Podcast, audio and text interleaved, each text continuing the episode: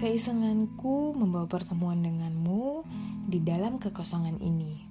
Aku dipertemukan denganmu yang bukan ekspektasiku.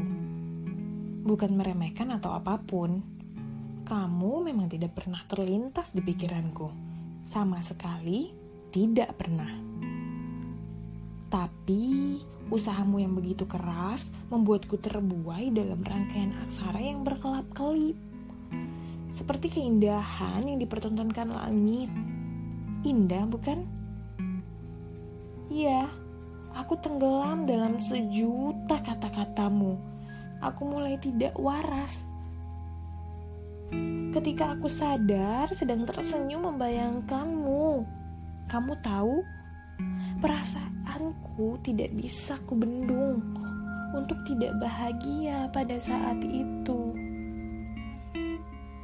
ketika kamu berhasil membuatku seperti rasi bintang di angkasa yang melayang-layang, setelah itu kau datangkan mendung agar lenyap dari pandangan mata.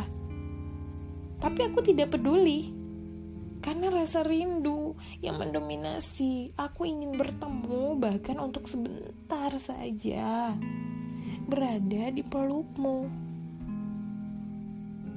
Bodoh. Iya, memang itu kata yang paling tepat untukku saat ini.